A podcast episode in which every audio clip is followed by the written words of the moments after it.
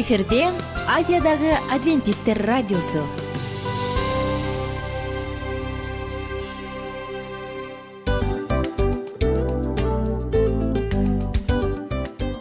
Достор салют. Баардык сүйүктүү угармандарыбызга салам айтабыз. Кутман күнүңүздөр менен.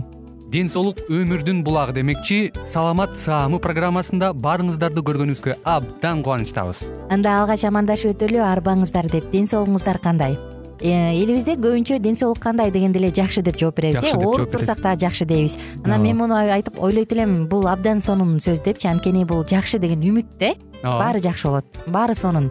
Деп үмүттөнүп атып эле өзүбүздү өзүбүз дарылап коебуз.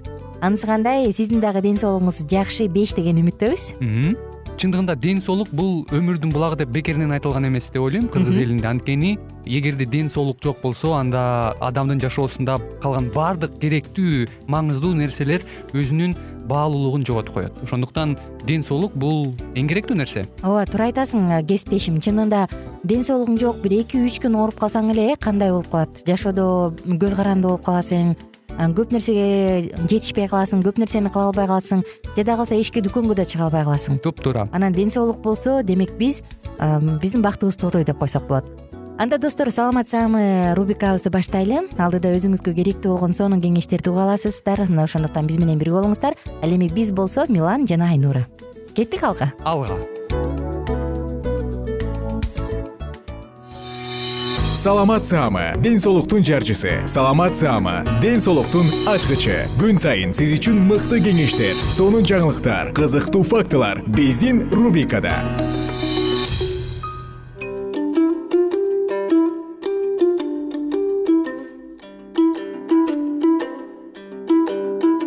кутман күн кымбаттуу угармандарыбыз кайрадан сиздердин назарыңыздарда ден соолуктун ачкычтары программасы. Бүгүнкү программабызда өткөн берүүбүздө сөз кылгандай эле алкоголдук ичимдиктер туурасында кеп козгогонбуз. Бүгүнкү программабыздын темасы мас абалда унаа башкаруу деп аталмакчы. Дал ушул жаатта сүйлөшмөкчүбүз андыктан биз менен бирге болуңуз. Ичип алып айдоого машина пайда болгондон тартып эле тыюу салынган мындай мыйзам биринчи жолу бир миң тогуз жүз үчүнчү жылы данияда кабыл алынган экен. Эгер ичимдикти ачкарын ичсе анын канга сиңирилген көлөмү жарым сааттан кийин эң жогорку деңгээлге жетет. Көптөр кофе ичүү таза абада сейилдөө жана дене тарбия көнүгүүлөрдү жасоо э, соолугууга жардам берет деген ойдо. Бирок бул жаңылыш э, көз караш ичимдиктин таасирин басаңдатуучу бир гана жол бул убактынын өтүшүн күтүү керек. Ичимдик кандай аталбасын ал баары бир ичимдик бойдон калаары да эстен чыгарбоо зарыл.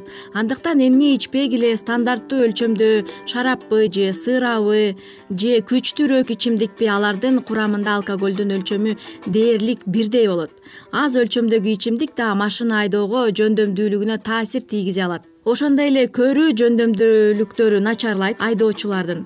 Э, жол белгилери кичине болуп көрүнө баштайт. Четки көрүү аралыкты аныктоо жана алыстагы нерселерди айырмалоо жөндөмдүүлүгү төмөндөйт. Маалымат иштетүү жөндөмү жайлайт жана рефлекстер начарлайт жана кыймыл аракеттин шайкештиги бузулат ооба чындап эле э, мен ушул көп учурда баягы жолдо көп унаа менен жүргөндүктөн байкап калам да кээде ушул э, кечки маал же эртең мененки таңга маал убакыттарда ичип алып анан э, рульда отуруп бараткан айрым бир айдоочуларга күбө болгон учурларым көп болот да. Анан ошол учурда кадимкидей өтө коркунучтуу да. Мисалы жакшынакай эле кенен жол турса карама каршы тилкеге чыгып алып айдап келип анан башка жака барып бурулуп бакка урулуп калган э, учурларды да көрдүм. Ошол эле учурда э, ар кандай кырсыктарга э, дуушар болуп калган дагы айдоочулар көп. Мунун натыйжасында жолдо бара жаткан адамдарды сүзүп кетип мисалы ошол эле учурда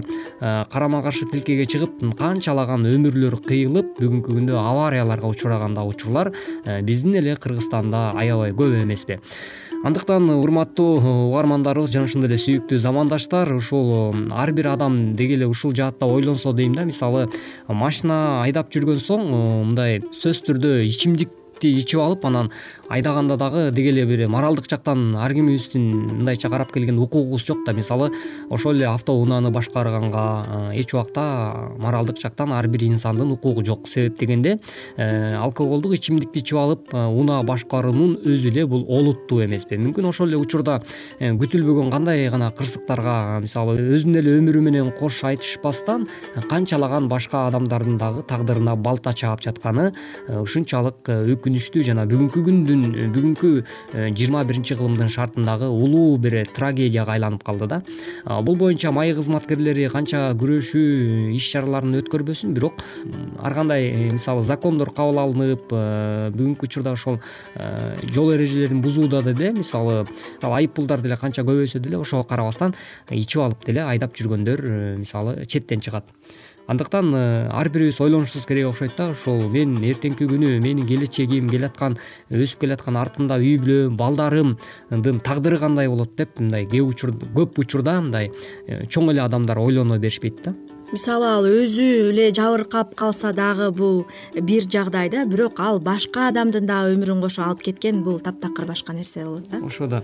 Ошо да. Ошондуктан улам э, ар бирибиз ойлонушубуз керек экен негизи эле бул ичкиликтин арты э, баягы сөзсүз түрдө жамандыкка алып бараары өзү эле айтып атпайбы мас абалда жол кырсыгына кабылгандар адатта кыйла оорураак жаракат алышат экен. Андан сырткары эгер андай адамга шашылыш түрдө операция жасоо керек болсо ичимдик жүрөк менен кандын айлануусуна таасир тийгизе тургандыктан анын аман калаары арсар француз саламаттык сактоо жана медициналык изилдөөлөр улуттук институтунун отчетунда мындай кеңештерди беришиптир да. Көпчүлүк учурда ичимдикти кыянат пайдаланган айдоочулар каза болот деп айтылган аталган отчетто коопсуз үчүн мындай кеңештер берилет. Биринчи эле ичип алып машина айдабагыла деген э, кептер бар экен. Андан аркысы айдоочу ичип алган машинеге түшпөгүлө биз дагы өзүбүздүн жаныбызды сактап калалы десек чынында эле биз көрсөк айдоочу мас абалында болсо ал да ал машинага таптакыр эле отурбай койгонубуз дагы жакшы окшойт. Ооба сөзсүз түрдө себеп кыргыз элибизде дагы жакшы эң бир таамай айтылган макал бар эмеспи мисалы үчүн э, сактыкта кордук жок деп коет э. Ошонусу сыңар э, эгерде сактансаң э, анда мен дагы сактайм дейт эмеспи. Анысыкандай демек өзүбүздүн өмүрүбүз үчүн дагы сөзсүз түрдө көңүл бурушубуз керек. Жана ошол эле учурда кандайдыр бир унааларга түшүп жатканда айдоочусу ичимдик ичип алдыбы ичкен эмеспи ошол жагын акырын байкаш керек да. Анткени ичип алган адам дароо эле байкалып калат э мисалы кантип билсек болот? Мунун кесепеттери мисалы ичпеген адам мисалы жытынан эле байкап калат. Ооба биринчиден жыты анан экинчиден кээ бирөөнүкү билинбей деле калышы мүмкүн бирок баягы сүйлөгөн сөзүнөн улам билинип калышы мүмкүн. Мисалы сүйлөгөн сөзүнүн орду жок дайыны жок сөздөрдү сүйлөп э, ушундай болушу мүмкүн да ошол эле учурда мүмкүн э, ошол сен айткандай э, жыттанышы мүмкүн э, ичип алган адам. Анан көзлөрүнө көз караштары башкача болуп калат мисалы. Ошол жактардан айырмалап билсек болот экен. Мисалы ичип алган досторуңар же туугандарыңарды машина айдоого жол бербегиле сөзсүз түрдө анткени баягы көбүнчө той топурларда ар кандай мисалы куда сөөк куда тосуу ушундай иш чаралар болгон убакта э, кээде мисалы ичип алгандар ой мен айдап эле кете берем мен ичип эле айдап жүргөм деген сыяктуу нерсе менен баягы көнүмүш адат катары э, кыла беришет эмеспи. Бирок муну сөзсүз түрдө ошол э, үй бүлө мүчөлөрү эскертиш керек экен да. Ой отурба кой айланайын кереги жок эртеңки күнү сенин өмүрүң да керек башкалардын да өмүрү керек деп ар кандай чараларды колдонуп рульга отургузбаганга эле аракет кылыш керек деп мен ойлойм да. Ошондуктан э, соо адамга берип анан э, кээ бирөө мисалы айрымдары талаша берет эмеспи жок мен өзүм эле айдайм өзүм эле жетип алам депчи. Ошондой маалда жок деп эле кесе айтып эле токтотуп эле ушундай нерселерге аракет кылыш керек экен. Ал эми урматтуу угармандар ушуну менен бизге бөлүнгөн убактыбыз дагы ушунчалык тар болгондуктан өз убактысына келип жетип калыптыр. Кийинки берүүбүздө дагы дал ушул жаатта пикирибизди улантабыз. Эмки берүүдөн кезиккенче сак саламатта болуңуз. Саламат саама ден соолуктун жарчысы. Саламат саама ден соолуктун ачкычы. Күн сайын сиз үчүн мыкты кеңештер сонун жаңылыктар кызыктуу фактылар биздин рубрикада.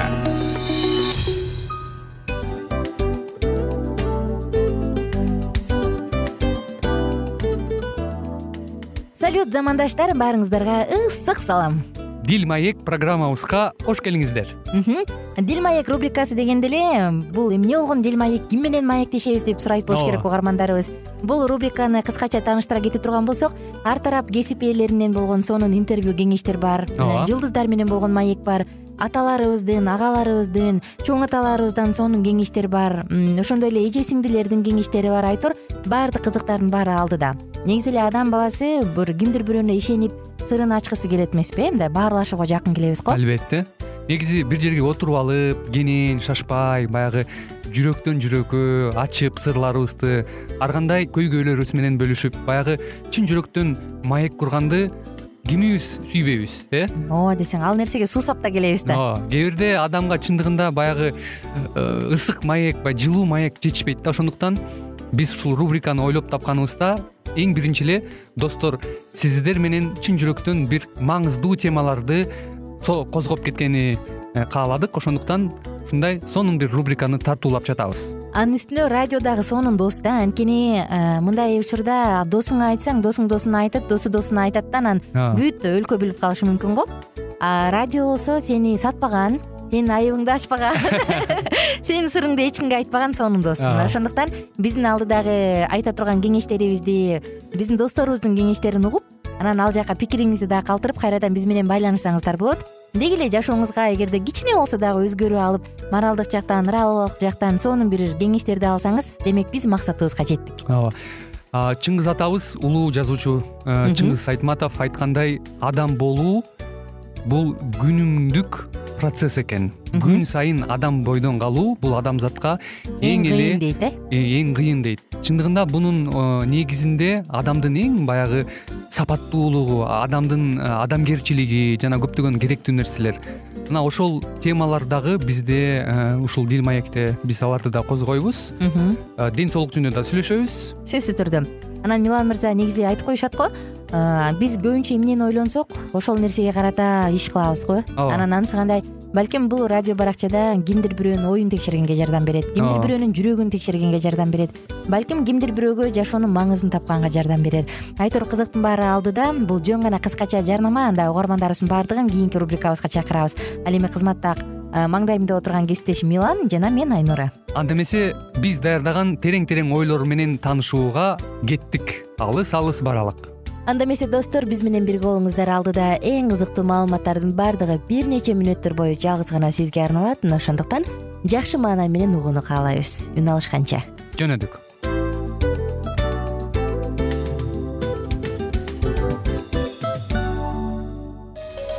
Ар түрдүү ардактуу кесип ээлеринен алтын сөздөр жүрөк ачышкан сыр чачышкан сонун маек дил маек рубрикасында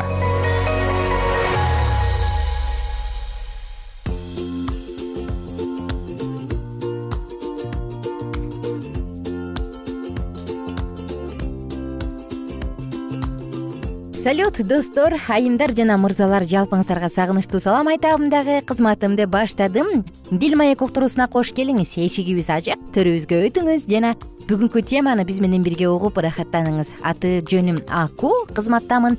Бүгүнкү тема дагы сонун. Уйку суроо оорубу? Караңызчы чындыгында уйку суроо оорубу же андай эмеспи? Кечкисин кеч жатып кыйналып калганда бир нече күн катары менен иштегенде уйкусуз түн оору сыркоо же дагы бир той топур болгон учурда сөзсүз түрдө баарыбыз эртеси уйкусурап оозубузду кере кере ачып эстейбиз. Бирок эгерде уйкусуроо өнөкөткө айлана турган болсо анда бул кандай?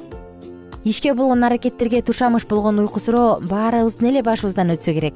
Тажаган дагы чыгарсыз. Мына ушул көйгөйдөн кутулуунун ыкмаларын сиздер менен бөлүшөбүз. Анан дагы достор уйку суроо билинбегени менен өзүнчө оору.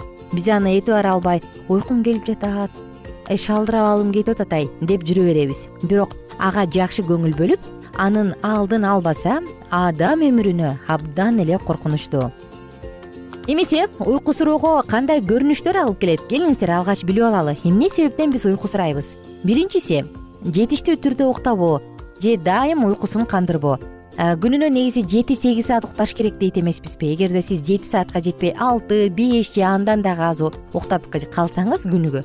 Демек уйку суроонун себеби белгилүү.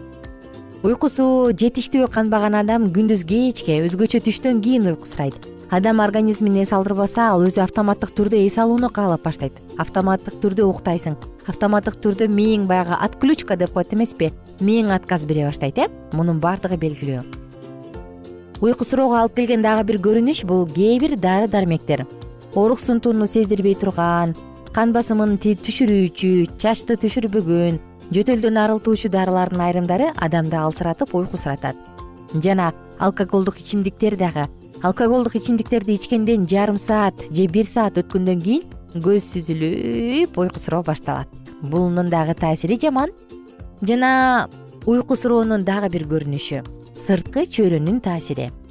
Температурасы нормадан жогору болуп үйп болгон бөлмө жана ысык аба ырайы бул дагы сергектикке терс таасирин тийгизет.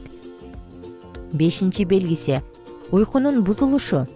Иштеген ишине байланыштуу айрымдардын күн менен түнү алмашып калат. Жыйынтыгында күндүн кайсы убактысы болбосун? Уйкусурап жүрүү көйгөйү башталат. Кийинки кезекте алтынчы себеби эмне себептен уйкусурайт кээ бир оорулардын айынан. Кан басымы төмөн баш мээнин муундарынын атеросклерозу. Кайсы гана оору болбосун айыгып жаткан мезгили кант диабети аз кандуулук витаминдин жетишсиздиги ревматизм оорулары мунун баардыгы адамды уйкусуратат жана психологиялык жактан чарчоо депрессия өнөкөт чарчоо синдрому жана коркпойлуулук дагы уйкусуроого алып келет. Эгерде сизде өнөкөт уйкусуроо болуп жатса кайсы көрүнүш сизде бар? Эмне себептен уйкусурап жатасыз? Белгилүү болду окшойт. Эми Э, биз го себепти аныктадык. Эми чыгуу жолун карайлы. Уйкусурабай жүрүш үчүн эмне кылабыз анда? Эмне кылабыз? Эң эле биринчи кезекте жарык. Терезе парданы жаппай уктаңыз. Таң атканда жарык бөлмөгө тийип уйкудагы адам тез ойгонот. Мында адам өз убактысынан мурда турганга үйрөнөт жана эртең менен дене көнүгүүлөрүн жасоого дагы убактысы болот. Экинчиси музыка. Окумуштуулар эртең мененки музыканын коштоосунда туруу пайдалуу экенин өз эмгектеринде баса белгилешет. Андыктан ойготуучу музыкага маанайды көтөрүүчү жаратылыштын добушундагы музыкаларды коюңуз. Укалоо бул дагы болсо уйкуну ачат. Кулактын артын же кулагыңызды толук укалап койсоңуз уйкусурап чарчап жаткан көрүнүштөн аз да болсо арыласыз уйкусуроодон кутулуш үчүн суу дагы жардам берет. Бирден бир ыкмасы суу. Бетти тез тезден муздак сууга жууңуз эртең менен алсырап төшөктөн тура албай шалбырап ушундай кыйналып атсаңыз же үлгүрөп жаткан маалда эринбей муздак сууга чайыныңыз. Ачык өңдөр дизайнерлер убакыттын басымдуу бөлүгүн өткөргөн бөлмөлөрдүн өңүн маанайды көтөрүп караганда эс алдыра турган өңдөргө боену сунушташат. Ачык өңдөр менен. Мындан тышкары компьютер менен телевизордун алдында көпкө кармалбаш керек. Эгерде сизде өнөкөт уйкусуроо болуп жатса же уктаган бөлмөңүз күңүрт түстө боло турган болсо адамдын маанайын түшүрүп уйкусурата турган болсо демек сизде кубанычтын ушундай бир бакыттын гормону жетишпей атат. Болгону гана ачык өңдөгү жатар жата жатуучу уктоочу бөлмөгө жатыңыз же бөлмөңүздүн стилин өзгөртүңүз андан сырткары шейшеп төшөктүн дагы өңү абдан мааники ал үчүн болгону ачык түстөгү. Уйкуну кандыра турган адамдын мээсин тынчтандыра турган көк жашыл түстөгү шейшептерди колдонуңуз. Колдон келишинче ачык өң болгону жакшы. Мурунку убакта апаларыбыз колго кир жууп жууган учурда совет заманында кир көтөрүмдүү ай бул кир көтөрүмдүү деп атып эле кара күрөң бооз түстөргө көнүп калганбыз э? Бирок азыркы күндө кудайга шүгүр. Азыр автомат машина ар бир үйдө бар. Ар бир үйдө болбосо дагы экиден бир үйдө бар. Ал эми калган бир үйдө колго жууган беркиндей машиналар бар. Полу автомат деп коет эмеспи жарым автоматтар. Демек кир жуу мурдагыдай көйгөйдүү эмес. Ошондуктан кир жуугуңуз келип турса дагы кир жуугуңуз келбей турса дагы ден соолугуңуздун камын ойлоп ачык өңдөгү баардык төшөктөрдү шейшептерди колдонуңуз. Жана достор суусундуктар кофе көк чай какао ичип тамекиден баш тартышыңыз шарт. Мунун баардыгы убактылуу сизди сергитти дегени менен ал чынында сергиткен жок. Ал болгону гана убактылуу гана сизге болгон болдо денеңиздеги энергиянын баарын чогултуп бере берди. Бирок бир аз убакыт өткөндөн кийин сиз мурдагыдан эки эсе көп чарчап каласыз. Достор уйкусурайсызбы анда себебин байкаңыз эмне себептен? Өнөкөт болуп жатабы? Демек коңгуроо какчы учур келди. Ошондуктан уйкусурабаңыз уйкусурасаңыз дагы убактысы жана шарты болгон учурда. Эгерде бул өнөкөт болуп турган болсо себебин аныктаңыз дагы уйкусурабай сергек жашоо образын өткөрүңүз кызматта мен аку болдум. Жалпыңыздар менен убактылуу гана коштошом. Кийинки уктуруудан үн алышканча сак саламатта калыңыздар. Күнүңүздөр көңүлдүү улансын.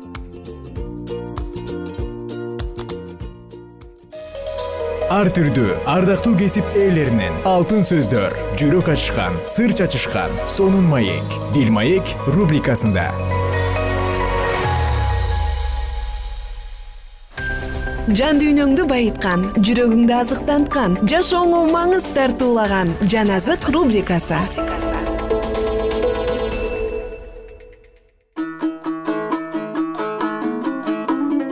Салют достор сиздер менен улуу күрөш китебин улантабыз. Мурунку уктуруудан токтогон жерден андан ары кеттик. Кызыктуу окуяны биз менен бирге тыңдаңыз. Ыйык жазуу машаяктын келишин ачык көргөзбөгөндүгүн миллер билип калды. Элчи павел мындай деп айткан. Себеби башкаруучу добушта эң жогорку периштенин добушунда жана кудайдын сурнайынын үнү чыкканда теңир өзү асмандан келет. Биринчи тессалоникалыктар төрт он алты. Жана куткаруучу мындай деп айтат. Ошондо адам уулунун жышааны асмандан көрүнөт. Жана адам уулу асман булуттарынын үстүндө кубат жана улуу даңк менен келе жаткандыгын көрүшөт. Анткени чагылган жарк журк этип чыгыштан батышка карай көрүнгөнүндөй адам уулунун келиши дагы ошондой болот. Матай жыйырма төртүнчү бап отузунчу аят. Ал асман периштелеринин коштоосу менен келет. Адам уулу өзүнүн атагында жана аны менен бирге бүт ыйык периштелер келет. Матай жыйырма беш отуз бир. Ал өзүнүн периштелерин добуштуу сурнайлар менен жиберет. Алар жердин төрт тарабынан асмандын бир четинен экинчи четине чейин анын тандалгандарын чогултат анын келишинде өлгөн адилеттүүлөр тирилишет ал эми тирүү калгандар өзгөрүлүшөт. Биз баарыбыз өлбөйбүз дейт элчи павел. Бирок баарыбыз өзгөрүлөбүз тез көз ачып жумганча акыркы сурнайдын үнүндө өзгөрүлөбүз. Себеби сурнай үнү чыкканда өлгөндөр кайра чирибей турган болуп тирилет. Ал эми биз өзгөрүлөбүз. Себеби бул өтмө неме түбөлүк немеге жамынуу керек. Биринчи корунтуктар он бешинчи бап элүү биринчи элүү үчүнчү аяттар жана өзүнүн фессалоникалыктарга жазган катында машаяктын келгенден кийинки окуясын мындай деп жазат.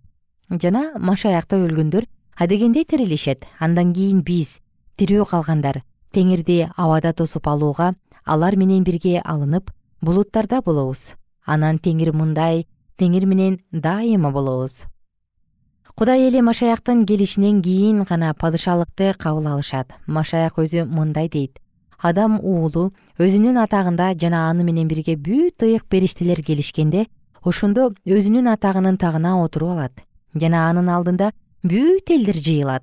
Анан койчу койлорду эчкилерден ажыраткандай аларды ажыратат. Өзүнүн оң жагына койлорду сол жагына эчкилерди тургузат. Ошондо анын оң жагында тургандарга падыша мындай дейт.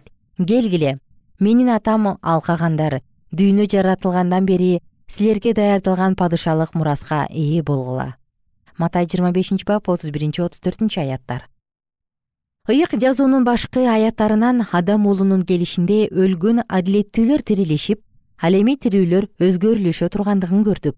Алардын баардыгы болгон улуу өзгөрүүлөр аларга падышалыкты кабыл алууга жардам берет. Анткени элчи павел мындай дейт адамдын денеси жана каны кудайдын падышачылыгына мураскор боло албайт. Чирей турган нерсе да чирибей турганга мураскор боло албайт. Адам өзүнүн акыр азыркы абалында өлүмгө татыктуу өзгөрүүлүгө муктаж. Бирок кудайдын падышалыгы өтүп кетпей турган көлүктүү болот. Мына ошондуктан адамдар өздөрүнүн азыркы абалында кудай падышачылыгына кире алышпайт. Бирок качан гана ыйса машаяк келгенде ал өз элин өтүп кетпей турган денеге өзгөртөт. Жана аларды дүйнөнүн жаралышынан мурда эле дайындалган падышалыкты кабыл алууга чакырат.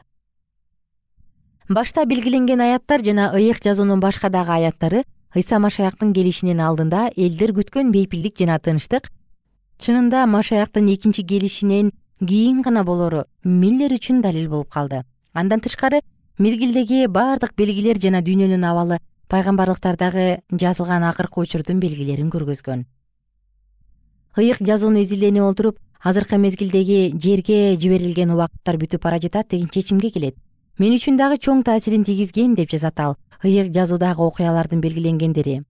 Мурдагы алдын ала айтылган окуялар өз мезгилдеринде аткарылып турган. Топон сууга чейинки жүз жыйырма жыл убакыт топон суунун болушуна чейинки жети күн жана кырк күн жааган жамгыр ыбрайымдын тукумдарынын төрт жүз жыл кыдырып жүрүшү нан таратуучу менен шарап куюучуга берилген үч күн фараонго берилген жети жылдык мөөнөт чөл үстүндөгү кырк жыл үч жарым жылкы ачарчылыктын алдын ала айтылышы жетимиш жылдык туткундук навуходоносордун башында турган жети мезгил иудейлер үчүн берилген жети жума алтымыш эки жума жана бир жума баары биригип жетимиш жума.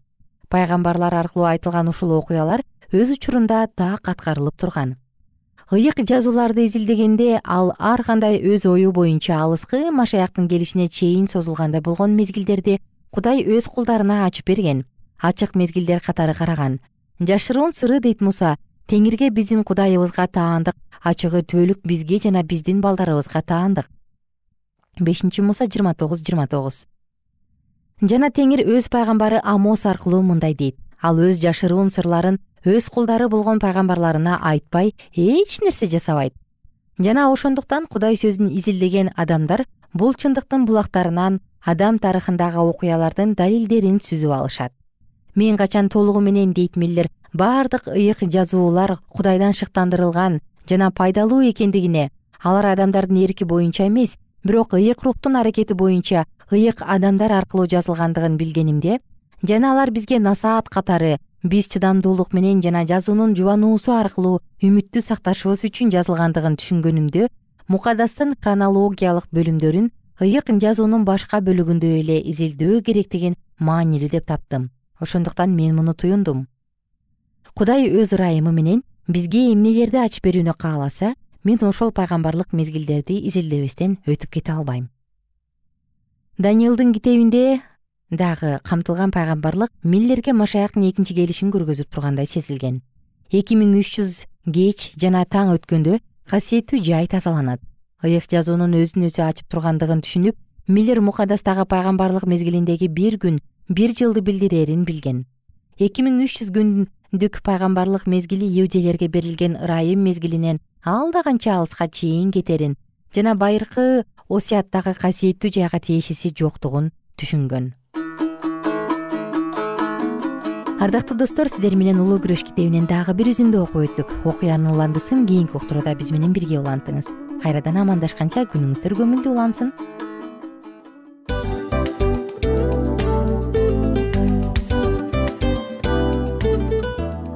Достор биздин радио баракчаларыбыз соңуна келди. Демек бул программабызды дагы жыйынтыктачу учур келдик. Учурга келдик. Анан кесиптешимден сурагым келип турат. Негизи эле иштин башталып атканы кубандырабы сени же жыйынтыгы кубандырабы албетте жыйынтыгы. Себеп дегенде сен кылган ишиңдин жыйынтыгын көрүп э, баягы мөмөсүн көрүп дегендей жыргайсың жүрөгүң жемишинен тартып э? Кандай даамдуу деп. Баягы буудай сепкенде эмес буудай эгинди жыйнагандан кийин ысык нанды жегенде кадимкидей ырахаттанасың го. Ой айтпа туура айта кеттиңиз. Сонун салыштыруу болду анан мен дагы абдан кубанып турам. Анткени биз угармандарыбыз үчүн аябай эмгектенип келген уктуруубуздун соңуна келип калдык. Анан эми уктуруубуздун соңунда угармандар кандай пайда алып калды экен деп күтүп турам да. Балким э, менин жашоомо өзгөрүү киргизе турган сонун сөздөр болду. Мен ушул нерсени изилдеп анан кабыл албасам ушул нерсени кылбасам деген чечим чыгарсаңыз анда биз абдан кубанычтабыз. Сөзсүз түрдө. Андыктан кийинки биздин кызыктуу уктурууларыбыздан көрүшкөнчө сак саламатта калыңыздар. Чыдамсыздык менен сиздерди мен милан жана кесиптешим айнура күтөбүз. Баардык угармандарыбызга ийгиликтүү күн каалайбыз качан гана болбосун уртуңуздан жылмаюу кетпесин үйүңүздө көмүр жүрөгүңүздө көңүл болсун дейли